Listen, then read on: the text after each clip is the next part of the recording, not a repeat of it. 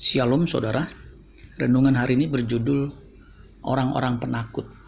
Wahyu 21 ayat 8. Tetapi orang-orang penakut, orang-orang yang tidak percaya, orang-orang keji, orang-orang pembunuh, orang-orang sundal, tukang-tukang sihir, penyembah-penyembah berhala, dan semua pendusta, mereka akan mendapat bagian mereka di dalam lautan yang menyala-nyala oleh api dan belerang Inilah kematian yang kedua.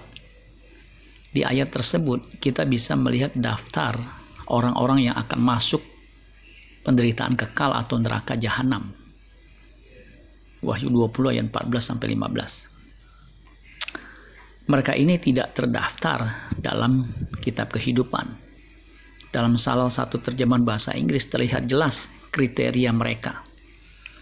Penakut berada di urutan pertama dari daftar jenis orang yang masuk neraka. Kata penakut dari kata Yunani deilos. Deilos artinya timid, malu-malu, fearful, takut, faithless, tidak punya iman atau tidak percaya. Penakut berarti mereka yang malu-malu dan takut mengaku Tuhan Yesus sebagai Tuhan dan Juru Selamat, sebagai pemelihara jiwanya, serta tidak bersedia mengenakan hidupnya adalah orang yang pertama ada di dalam daftar tersebut.